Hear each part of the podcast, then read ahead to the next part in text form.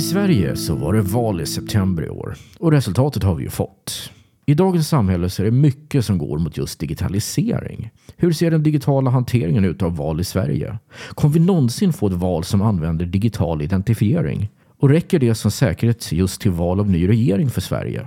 Och kommer vi använda oss av teknik som till exempel vi gör i USA? Det här är det 191 avsnittet av IT-säkerhetspodden och här kommer jag, Erik Salitis, diskutera det här med Erik Stenberg som talade om detta under en fokuskväll hos SIG Security. Det här avsnittet är i samarbete med SIG Security. Välkommen Erik! Tack så mycket! Så berätta lite grann om dig själv. Du är IT och informationssäkerhetsexpert på Skattemyndigheten. Ja, det stämmer. Jag kom till eh, Skatteverket i 2020 eh, och började då som konsult faktiskt från Knowit Secure. Eh, och valde därefter att gå vidare in och prova på myndighetsvärlden. Ja, just det. Hur ser en vanlig arbetsdag ut för dig? Om det nu finns några sådana. Eh, jobbet med säkerhet är ju ganska diversifierat eller vad man ska säga så det är sällan den ena dagen är den andra lik. Eh, men generellt sett så försöker jag alltid börja dagen med åtminstone 30 till 45 minuter av omvärldsanalys. Eh, just när man jobbar inom IT-säkerhet så tycker jag att eh, vi behöver ha väldigt god koll på vad som händer både kortsiktigt och långsiktigt.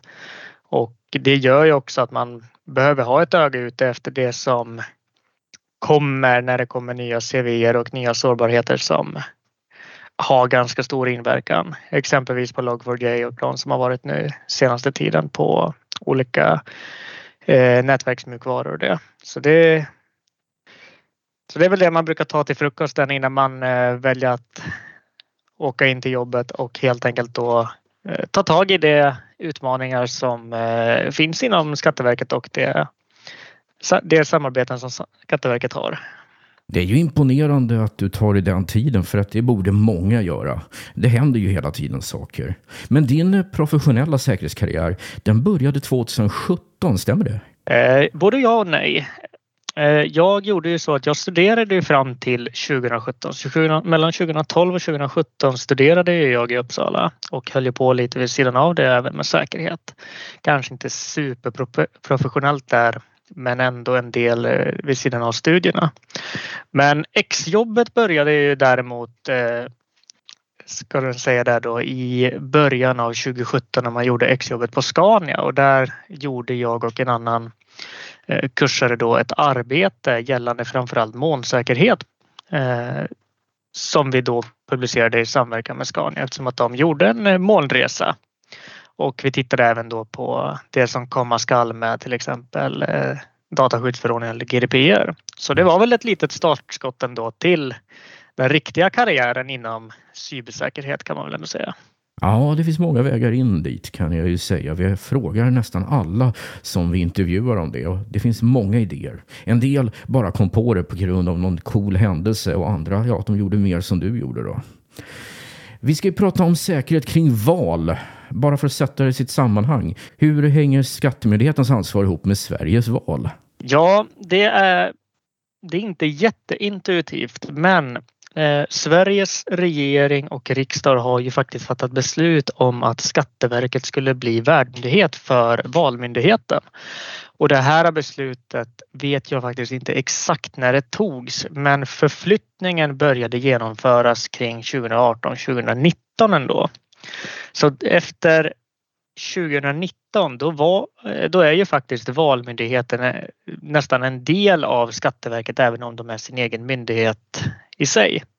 Okay. Och under det här så har ju då också Skatteverket som värdmyndighet fått i uppdrag att eh, bland annat då leverera de förutsättningar som Valmyndigheten behöver för att egentligen då genomföra sitt uppdrag. Ja, enligt både lag och regleringsbrev och det. Och vilket uppdrag är det? Vad gör Valmyndigheten?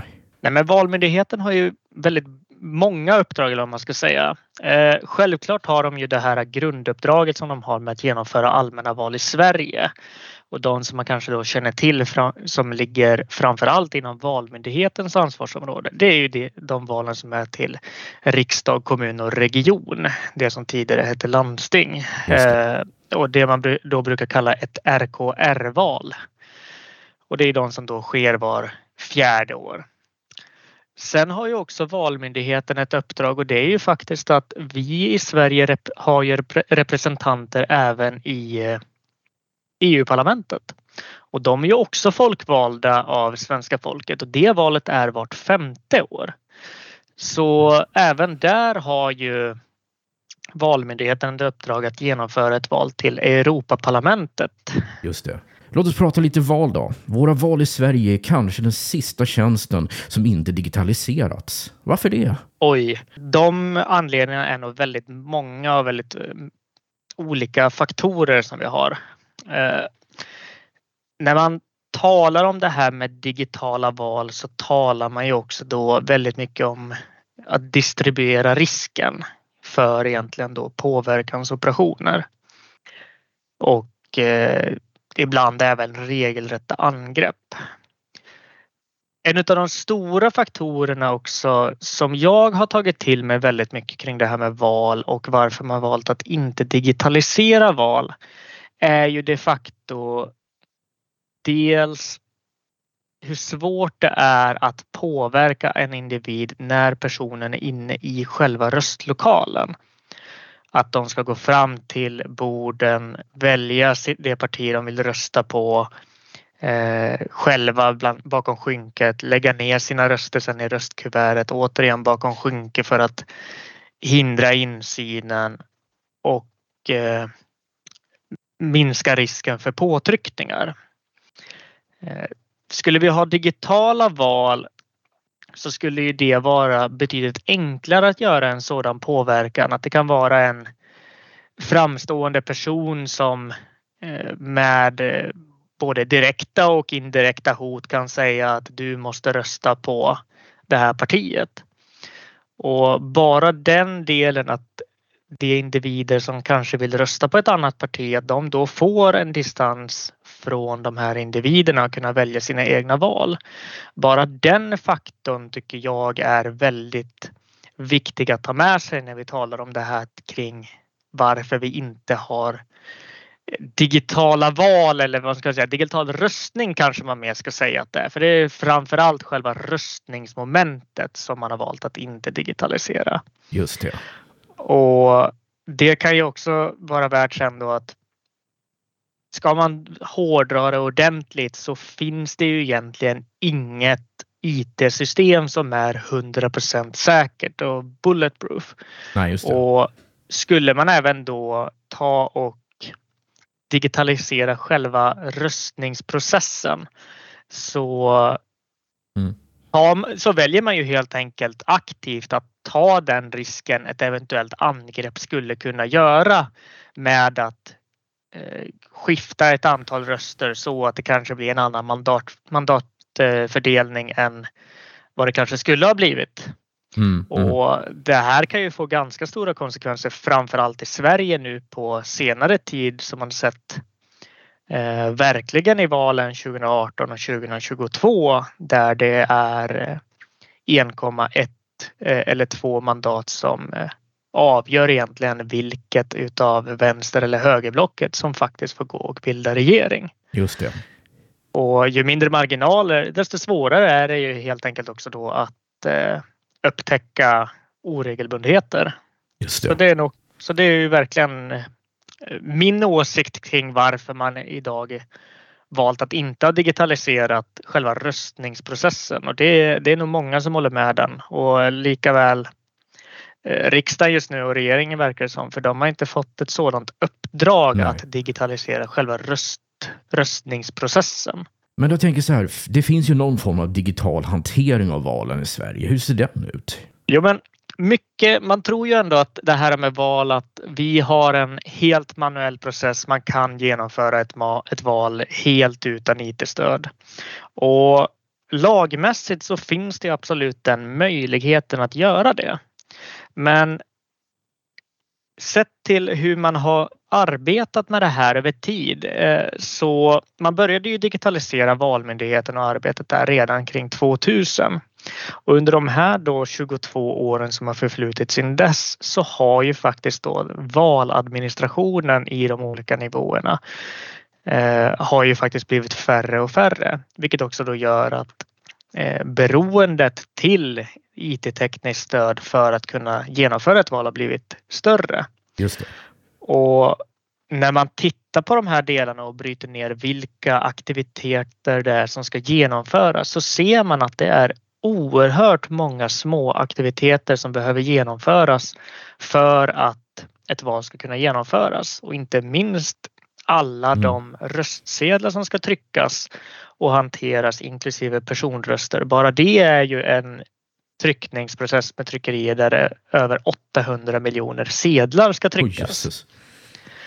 Oh, och att då göra det utan ett digitalt stöd som kan hjälpa till att hantera och organisera detta, det gör att eh, man mm. istället då måste ha en väldigt stor mängd individer som jobbar med detta och idag har man inte byggt upp eh, myndigheter på det viset. Nej, just det.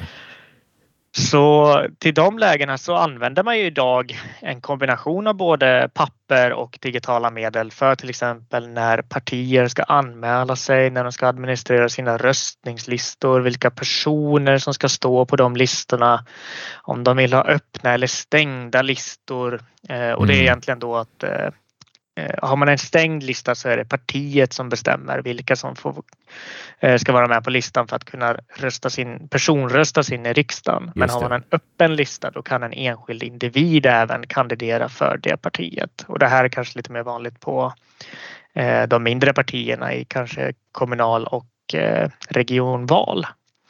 Men sen är det ju väldigt mycket annan administration runt omkring där när alla valnämnder i kommunerna ska komma in och jobba och då har vi, vi har ju över 290 kommuner här i Sverige ja. och att alla de ska komma in och administrera sina röstningslokaler. De ska ha utbildning på alla användare i hur de jobbar i systemet och det.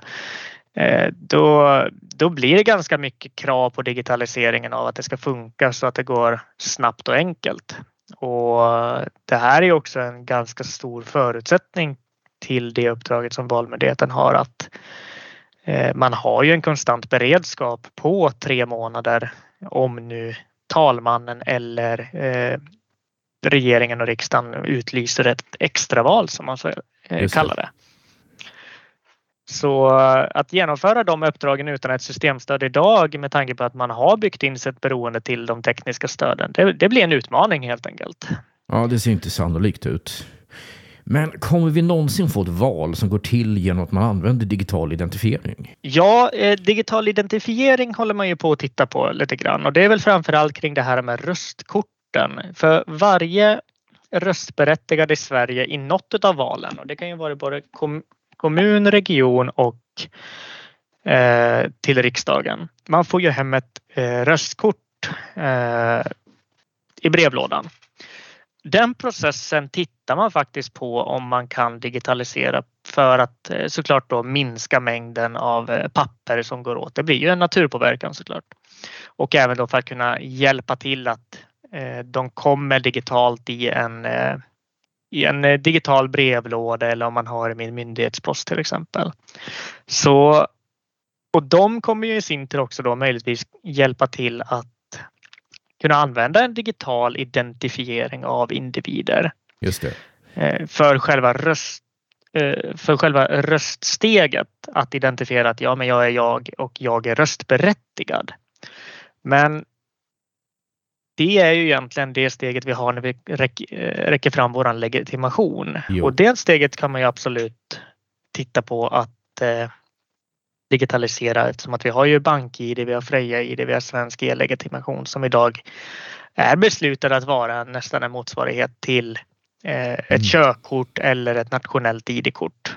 Ja, men alltså då skulle man säga att det skulle bara ersätta just den fasen. Du måste fortfarande gå till en vallokal i framtiden. Ja, och det är ju egentligen till det här att dels så är det ju kring röstprocessen och att eh, som jag sa tidigare, att distribuera risken så mycket som möjligt när det finns i det här med allmänna val. Eh, när, skulle man ha de här centraliserade processerna när det gäller framförallt röst, eh, röstningsmomentet, att man kan rösta från sin telefon eller så. Eh, då är det ju återigen det här problemet med att vi har en ganska central punkt och det räcker att en aktör väljer att angripa just den enskilda punkten och lägger stor vikt på det. Just. Och det här är också då på ett system som i sitt behov då måste vara distribuerat och tillgängligt ut mot internet och världen. Man måste kunna lita på det också. Det är väl också en viktig poäng. Ja, precis. Och det är också någonting som vi verkligen har att hur ska vi kunna säkerställa valresultatet att det har varit opåverkat och oförvanskat när vi samtidigt har den här eh, processen med att varje röstberättigads röst ska vara hemlig. Det blir lite paradoxalt i de två olika aspekterna där med att vi ska ha en kvittens på att individen har röstat och att den personens röst är eh, på ett parti eller en person. Och samtidigt så ska vi bryta den kopplingen mellan individens röst och vad den har röstat på eh, i resultatet. Och de två paradoxer, det, det, skapar ju egentligen en paradox här emellan att vi ska ha en transparens för att kunna säkerställa rösten i fråga samtidigt som vi ska skydda eh, valhemligheten med vad personen de facto har röstat på. Just det. Och det gör ju att attackvektorerna inför att egentligen förstöra förtroendet för ett val blir tyvärr ganska många. Ja, jag förstår det och jag håller med faktiskt. Men om vi tittar till exempel på USA, hur ser det ut där? För där har man gjort på annat sätt. Ja, de har ju sina de har ju också väldigt mycket pappershantering har de ju, men de har ju å andra sidan också gjort en digital rösträkning har ju de. Så de har ju med hjälp av maskiner eh, effektiviserat processen för att räkna rösterna. Just det. Men de har ju fortfarande så kallade ballots som de lägger i motsvarande egentligen röstkort i på det de vill rösta. Och sen har de ju rösträkningsmaskiner som eh, används för att räkna rösterna för att ge ett snabbt resultat. Och den processen kan man nog förstå också i och med att det landet har eh, oerhört många mer miljoner invånare och röstberättigade än vad vi har i lilla Sverige. Så där kan det absolut vara motiverat att man tar det beslutet att man går till ja. rösträkningsmaskiner. Till skillnad från oss där vi faktiskt räknar varje röst för hand och prickar av. Jag, jag vet ju inte exakt hur det funkar nu, men av valet 2000 så hade de ju de här som man stoppade in ett hålkort i. Och om man inte tryckte ut det där hålet ordentligt så blev det någonting som kallas för hanging shad. Som man säger i princip att maskinen diskvalificerar kortet för att det inte är riktigt genomtryckt. Liksom. Det, är det fortfarande sådana saker de håller på med? Vet du? Jag tror faktiskt att de lyckades lösa det. Att nu har de med att de läser av en särskild kod om jag minns rätt. Och det är ju, vi har ju liknande koder på våra röstkort att varje partikort eller röstkort har ju en eh, sifferlängd som visar på att det här är det kortet som är. Just det. Eh, och jag tror att de har något liknande där i att okej, okay, det här är ändå ett kort som har den koden som vi vet finns i systemet. Men jag, är inte helt, jag vågar faktiskt inte säga om de har kvar det hålsystemet i USA. Mm, nej, nej, det får man väl hoppas att de inte har. För första gången under 2022 så använder Valmyndigheten ett nytt IT-stöd, Val-ID. Vad är det för något?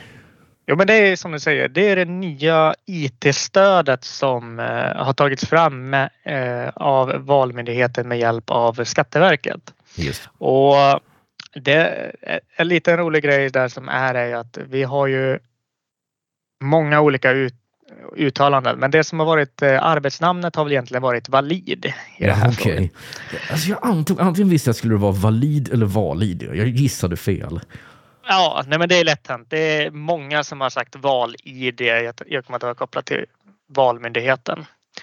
Eh, men det är egentligen en petitess i det här läget. Men det är ju som sagt, det är ju det nya stödet. Det började ju utvecklas kring 2017 och har ju egentligen då pågått utveckling från 2017 fram tills det användes nu i valet 2022. Eh, och det här är ju ändå ett nytt system så det pågår ju även fortfarande utveckling på systemet inför kommande val och då även Europaparlamentsvalet till exempel. Eh, som, eh, som kommer genomföras lite senare. Är det inte lite så här kymigt att lägga ner tid och pengar på någonting som du bara använder en gång var fjärde år? Ja, man kan ju tro det ändå. Men samtidigt så får man ju tänka lite kring det här med att systemet i fråga krävs ju i och med den digitalisering som är genomförd och det man inte har i IT-stödet måste vi istället sen då ha i mängden individer som genomför ar arbetet. Just det. Och någonstans här har man ju då gjort den avvägningen att nej, vi, eh, vi behöver ha ett IT-stöd för det här och det har man ju då byggt in ett beroende till. Så antingen får man välja det att vi lägger ner ett IT-stöd och så lägger vi pengarna istället på eh, anställda och eh, människor helt enkelt som vi anställer för att genomföra valprocessen. Just det. Så alternativet finns ju självklart. Men det är kanske inte så kostnadseffektivt. Jag tror att man räknade någonting på det. Uh, ni hade tidigare system också som hette VDS. Precis. VDS står för valdatasystemet. Och det här var ju någonting som eh, började utvecklas år 2000 och har ju där, användes ju där då första valet 2002 och har därefter då använts i de riksdagsvalen som har varit och användes sista gången där 2018. Eh, och ja, vad ska man säga? Det, den är ju byggd på de arbetsmetoderna och eh, den arkitekturella principen som var för hur man byggde eh, applikationer från 2000. Så det, det var ju idag en stor monolit egentligen med vissa små mm. kringtjänster och en annan stor central core med dess eh, logik i sig som styrde hur ett val genomförs. Och man, man kom helt enkelt fram till att någon gång eh, enough is enough och nu kände man då helt enkelt att det är dags att börja utveckla ett nytt system som följer nya utvecklingsprinciper och som faktiskt också eh, går att förvalta bättre i framtiden. För det var också en stor fråga kring förvaltningen av VDS. Just det. En service till Sverige, vad innebär det? Eh, jo, det här var ju lite då kring de olika delarna med hur valet ser ut och valprocessen och vad Valmyndigheten har för uppdrag till Sverige. Och Någonting som man tittade väldigt mycket på när man tog fram kravställningen för valid och de ingångsvärden som fanns där då med vilka behov det fanns och vilket, vilka legala krav som fanns. Ja, det är kravbilden alltså? Ja, men exakt. Så tittade man ju också lite då på det som idag benämns som valpresentationen, det vill säga det som på valnatten visar den preliminära röstresultatet allt eftersom att rösträkningen fortgår. Och det som kan vara lite kontroversiellt att säga men som ändå är ganska intressant är ju att valpresentationen för att presentera det preliminära valresultatet faktiskt inte är ett uttalat uppdrag för Valmyndigheten utan det är någonting som man har utvecklat över tid. Och därigenom så har den sen då gått och blivit en en förväntan på Valmyndigheten av både politiker och media och Eh, samhället i stort för att man eh, redan på valnatten ska kunna få en eh, god indikation på hur, hur Sverige har röstat och vart vindarna vän, bär än för den kommande regeringen och riksdagen. Om man tittar på användarna för Valid så är det ju inte bara en liten gruppering. Det är en hel del myndigheter och offentlig sektor. Hur får man ihop förutsättningarna? Ja, eh, man kan väl säga egentligen då att förutsättningarna har väl inte riktigt funnits där utan Många olika intressenter har ju också gjort att man har varit tvungen att pussla ihop väldigt många olika förutsättningar och tekniker som de faktiskt eh, de här användargrupperingarna kan jacka in i. Just det. Och det är ju någonting som valadministrationen och valnämnderna har märkt av där vi har eh, skapat myndighetsgemensamma federationer mot andra berörda myndigheter för att kunna få en säker och bra hantering. Samtidigt som vi då ser att eh, användarna ute på framförallt då kommunal nivå. De är ju faktiskt privatpersoner. Just det. Och en privatperson har ju inte särskilt ofta en möjlighet att eh, skapa en infrastruktur och en federation mot en statlig myndighet som då kan användas på ett bra sätt.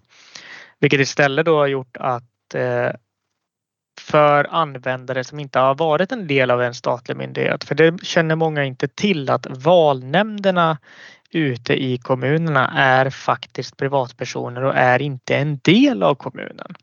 Men kommunen har ett uppdrag att då vara med och stödja och hjälpa till med röstmottagningslokaler och röstlokaler samt den utrustning som då behövs där.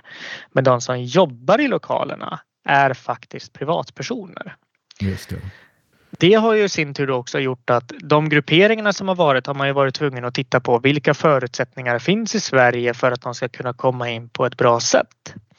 Och någonting som vi tog fasta på då det är ju mm. faktiskt erfarenheterna från Skatteverkets e-tjänster där vi bland annat har inloggning med eh, mobil, med BankID, med Freja-ID, med svensk e-legitimation. Det ska vara fyra eh. stycken enligt mina papper. Har missat vi någon? Nej, eh, jag har medvetet valt att faktiskt inte gå in så där allt för djupt på de autentiseringsmetoder som finns mellan Valid och eh, andra externa myndigheter. Eh, och det är just för att det finns ett antal andra federationer mellan Valmyndigheten och andra myndigheter och de, de inloggningsmetoderna där tänker jag att de får helt enkelt vara mellan Valmyndigheten och eh, de myndigheterna. Men varför fyra? Räcker det inte med en? Jo, men vi hade önskat att det räckte med en. Men problemet är ju då att vi vi hade ju inte förutsättningarna för det och på samma sätt så har ju Valir ett en ganska viktig perspektiv att det måste vara up and running eh, nästan 24-7 när det väl hettar till i valprocessen. Och det här gör ju då också att vi byggde ju faktiskt in ett litet beroende mot BankID, mot Freja-ID och mot Svensk e-legitimation. Och de är ju ändå tjänster som är levererade av den privata marknaden, alltså våra banker och det. Ja. Och det här har, ju, har vi också märkt att, och det har man ju säkert märkt som privatperson också, att det är faktiskt Eh, det förekommer ju störningar på BankID. Vissa banker kan inte logga in eller att BankID centralt inte funkar eller att, eh, eller att den leverantör som används av Skatteverket för att leverera legitimering och det, de tjänsterna kanske inte funkar som det ska. Och det gjorde ju också då att vi var ju själva tvungna att ta fram en inloggningsmetod eh, för dem på för externa parter, eh, alltså de i valnämnderna på kommunal nivå, tryckerierna, mm. partierna och det. Så utöver egentligen då e-legitimation så skapade vi faktiskt en inloggning med användarnamn, lösenord och ett one time password som man då fick ange. Så varje användare som registrerades fick ange Eh, fick ett användarnamn allokerat till sig och fick ange ett, eh, ett lösenord enligt vår lösenordspolicy och sitt mobilnummer. Okay. Samt, eh, samtidigt som vi sen då valde att när man loggar in på med hjälp av användarnamn, lösenord och OTP så får man en liten annorlunda behörighet mot om man hade loggat in med e-legitimation eftersom mm. att man ändå har en svagare inloggning också. Just det. Ska vi prata lite grann om säkerhet, själva metoderna bakom det. Zero Trust, är det någonting som används i det här? Ja, men vi, vi har jobbat väldigt mycket. Det är inte en full zero trust som man har där. Den är, det är ändå en princip som ändå är en enorm målbild. Eh, och den tar oerhört lång tid att nå i sin helhet. Men inom Valid så har vi alltid haft ingångsvärdet att inom en... Det man kan nämna är att Valid är byggd på en mikrotjänstarkitektur. Och den här mikrotjänstarkitekturen är uppdelad i ett antal zoner baserat på hur viktiga mikrotjänster är och vad de jobbar på för information. Och det här gjorde ju också vi att vi delade upp mikrotjänsterna i olika säkerhetszoner eller security boundaries som också då gjorde att när mikrotjänster pratade mellan dessa zoner, sina definierade säkerhetszoner, så, var de, eh, så genomfördes det helt enkelt kontroller på att ska, ska den här förfrågan som kommer från den här källan få prata med mig och ska jag behandla den? Just det. Och, och det här var någonting som vi implementerade rakt igenom hela arkitekturen av Valid även på de lite mindre känsliga zonerna. Just för att få en en mer homogen syn på de kontrakten och de mönster som användes för att för en mikrotjänst. Så att även om en utvecklare kommer in från en mikrotjänst till en annan så skulle det inte vara mm. nytt helt enkelt utan den skulle veta den visste helt enkelt hur han skulle hantera autentisering och auktoriseringsprocessen även om han jobbade på en mikrotjänst han inte tidigare hade jobbat på. Ja, det är ju intressant, men det finns ju ett, man brukar prata om CIA, alltså inte myndigheten i USA, utan confidentiality, eh, integrity och availability. Och det sista A där, hur ordnar ni hög tillgänglighet om något skulle braka ihop?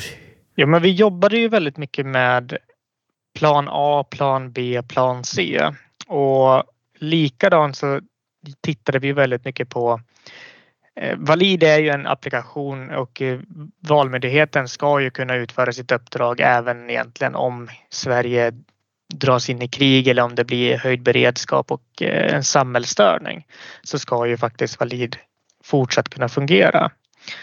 Eh, och det här gjorde ju egentligen då att på de olika nivåerna i arkitekturen, det vill säga från mikrotjänsterna till containeriseringsplattformen till virtualisering och till nätverk och autentiseringsmetoder och det. Så, så hade vi hela tiden en plan A, B, C. Mm. Så det, det skulle egentligen aldrig vara en situation där vi landade i att valid inte gick att använda på grund av att någonting var otillgängligt. Utan ja, den skulle alltid kunna funka även om det kanske inte gick, gick lika, lika fort. Det vill säga att en förfrågan kanske tog en lite längre stund att behandlas men den skulle alltid behandlas. Mm, mm. Och det här var ju också någonting som vi jobbade väldigt mycket med i och med den organisatoriska möjligheten som vi hade med eh, First line of support, second line of support och third line of support även i valadministrationen där kommuner kunde eh, begära hjälp av eh, eh, länsstyrelserna som de tillhörde och om länsstyrelserna skulle ha problem och vid behov så kunde de begära hjälp från Valmyndigheten. Så det gav också en plan A, B, C när det gällde den organisatoriska förmågan mm. att kunna hantera och stå emot störningar. Störningar det kan man ju få rätt mycket av. Säg att en av användarna drabbas av en ransomware och tvingas låsa ner hela verksamheten. Hur kan då Valid agera som en tjänst? Ja, eh, skulle man säga att till exempel det som hände med Kalix kommun när deras IT-system faktiskt eh, drabbades och hindrades så, fin- så byggde vi in att det fanns ett antal olika sätt som eh, det här kunde hanteras på. Mm. Ett och de kanske mest omedelbara sätten man kunde hantera det på om det skulle vara tidskritiskt skulle helt enkelt vara det att eh, antingen kunde kommunen begära hjälp av en grannkommun och att man då kunde ge den grannkommunen tillfälliga behörigheter. Eller så skulle den eh, kommunen kunna begära stöd av Länsstyrelsen som då skulle kunna komma in och jobba. Och det tredje alternativet skulle faktiskt vara att eh, kommunpersonalen helt enkelt då åkte till en annan eh, grannkommun eller valnämnd ja. och jobbade eftersom att vi inte har en sådan federation på kommunal nivå. Jag förstår. Eh, och likadant är det egentligen då på till exempel eh, om en länsstyrelse skulle få problem så byggde vi in att en annan länsstyrelse skulle kunna kliva in och eh, ta över dess arbetsuppgifter om så skulle krävas. Du snackar en del om såna här mikrotjänster. Jag tänkte för de lyssnare som inte riktigt vet vad det är, kan du bara snabbt sammanfatta det? Ja, eh, det är ju ett nytt det är ett eh, inte jättenytt sätt att bygga applikationer på, men det är väl någonting som blir mer och mer vanligt numera efter att man jobbar eh, och utvecklar nya applikationer. Och tidigare så hade man ju applikationer som byggde av en kärna som kan, kunde innehålla den affärslogiken som man egentligen använder sig av. Och det här gjorde ju också då att det var väldigt mycket som var ihopkopplad med annat som kanske inte var omedelbart intuitivt.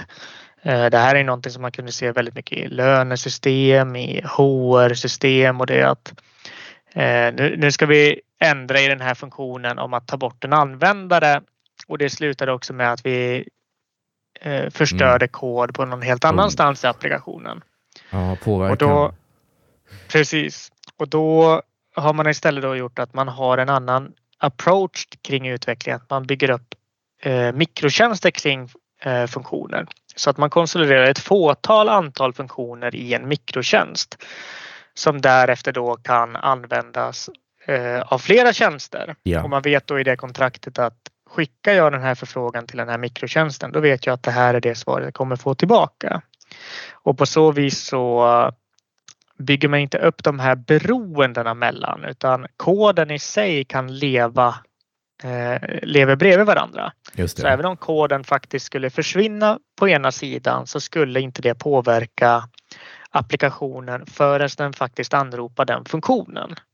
Och skulle då eh, få ett felmeddelande men ska ju då vara, har ju då inbyggt i sig att den kan hantera det så att den inte Just det. stannar själv. Höll Valid för sitt uppdrag 2022? Vad tycker du? Jo, men det tycker jag faktiskt att den, eh, att den gjorde. Vi, eh, under själva valnatten så var det ju ett antal angrepp som pågick. Och någonting som ändå var ganska skönt i det här läget var ju att självklart fick vi ha en hantering kring de här angreppen som eh, pågick och genomfördes emot oss. Men det var faktiskt inte någonting som märktes utåt till medborgarna och medierna. Det är väl egentligen då den, det högsta beviset på att ja, men Valid höll för sitt uppdrag idag, även om det har varit en hel del, eh, ska man säga, utmaningar och hinder på vägen till valnatten i sig. Så all right, framgång då. Och då måste jag ju ändå fråga, vad var framgångsfaktorerna? Vad var det som gjorde det att det gick så bra? Jag tror faktiskt att eh, mycket av de framgångsfaktorerna var, var ju faktiskt det, det höga nivån av samverkan som fanns emellan. Dels mellan Valmyndigheten och Skatteverket och även då mot de andra myndigheterna och parterna som är en del av den övergripande valadministrationen. Just det. Och sen att det finns eh, oerhörda eldsjälar som eh, verkligen ställde upp i projektet och eh, levererade när det verkligen behövdes. Ja, men det är ju alldeles utmärkt. Och ni kör även kontinuerliga tester. Kör ni pentester och code reviews och sådana saker? Jo, men det gör vi. Eh, Valid i sig har det senaste året nu under 2022 fram till 11 september så genomfördes ändå sex stycken stora pentester på applikationen på olika delar allt eftersom att funktionalitet arbetades in i Valid i sig. Just det. Och det här var ju också någonting som eh, vi även kompletterade med eh, SAST och DAST, alltså Static Application Security Testing och Dynamic Application Security Testing. Eh, och det funkade ganska väl eh, i och med att i och med att man byggde Valid inkrementellt och man kunde få kontinuerliga tester på de leveranser som kom så fick också utvecklarna snabb feedback och kunde planera in eh, åtgärder. Just det. Så under vissa test så eh, satt utvecklarna med pentestarna och utvecklade eh, hotfixes till de sårbarheterna som hittades on the fly och var åtgärdade två timmar senare. Och de som testade applikationen kunde helt enkelt validera att ja, det här, vi har den effekten som vi ska ha. Ja, det är ju väldigt... Så brukar det inte gå till med pentester, men det är ingen dum idé faktiskt. Nej, och det är ju nog absolut någonting som eh, kommer behöva användas mycket mer i framtiden om Mm. man ska vara så pass snabbfotad som man vill vara och även då att man Mm. jobbar in eh, bra eh, testverktyg och teststöd för utvecklarna även i eh, den deployment pipeline som man bygger. Det är nog absolut framgångsfaktorer som eh, behövs för att Mm. få fram en vettig och bra utveckling. Du har ju berättat lite grann om de olika sätten som man kan gå från plan A till plan B om något går åt skogen där. Så hur har ni tagit fram de här kontinuitetsplanerna egentligen? Jo, men det har ju varit lite tacksamt ändå att jobba med just valet i det här läget eftersom att valet i sig är en så pass definierad process Mm. eh, med satta datum. När, när ska en sak levereras och till vem och i, i vilken tidpunkt. Och det här är ju också någonting som då gjorde att det vart ganska tydliga scenariobeskrivningar som eh, vi tittade på. Just det. Vad händer om det här eh, gå, gå fel vid det tillfället. Eh, o, oaktat egentligen anledning till varför, varför det går fel utan bara att om det här går fel, vilken konsekvens mm. blir det då? Och har vi någonting på plats som gör att vi rent krasst kan eh, hantera den uppkomna konsekvensen eller minska konsekvensen så att den ligger på en accepterbar nivå. Och det här var ju också någonting som då gick in i de här kontinuitetsplanerna och även då kunde ge oss en god bild på när vi var tvungna att lägga till åtgärder. Att det inte var in, in, just den särskilda funktionen som skulle krävas vid det tillfället om ett scenario realiseras. Just eh, den funktionen kunde man definiera och då lägga in i den backloggen som projektet hade och skapa den tekniska funktionaliteten eh, som då skulle behövas för att ändå genomföra uppdraget. Och vi talade bland annat då att ja, precis som bilar kan ha att de går in i en så kallad limp mode som gör att den ändå går framåt även om den kanske inte mår jättebra. Så började vi titta och diskutera lite i de banorna även inom arbetet med Valid. Att det kanske inte går så fort, det kanske inte är jätteenkelt att arbeta i det. Men, men det funkar. Men det funkar och ger det resultatet som önskas. Ja, ah, det låter ju intressant. Jag tror vi ska bara avrunda lite grann nu. Så lite lättsammare fråga. Vad har du för planer framöver? Jo, nej, men eh, val, valperioden är ju över nu och eh, det har ju absolut varit ett oerhört lärorikt eh, arbete att genomföra och har varit oerhört kul också.